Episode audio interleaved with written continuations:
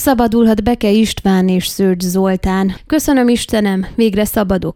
Ezt írt a Facebook bejegyzésében Beke Csilla, a terrorizmus vágyával elítélt Beke István felesége.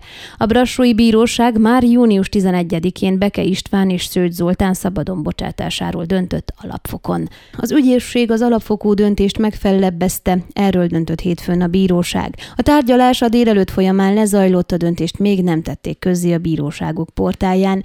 Értesülésünk szerint a válthatóság továbbra is azt kérte, hogy utasítsák vissza a két férfi feltételes szabadlábra helyezését és töltsék le a teljes büntetésüket.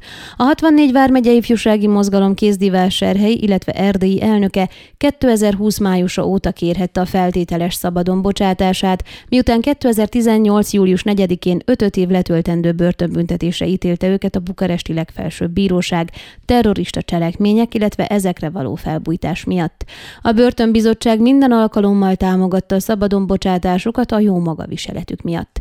A családjaik már úton vannak, hogy hazahozzák a fiatalokat, számol be a Facebookon Fejér László Ödön szenátor.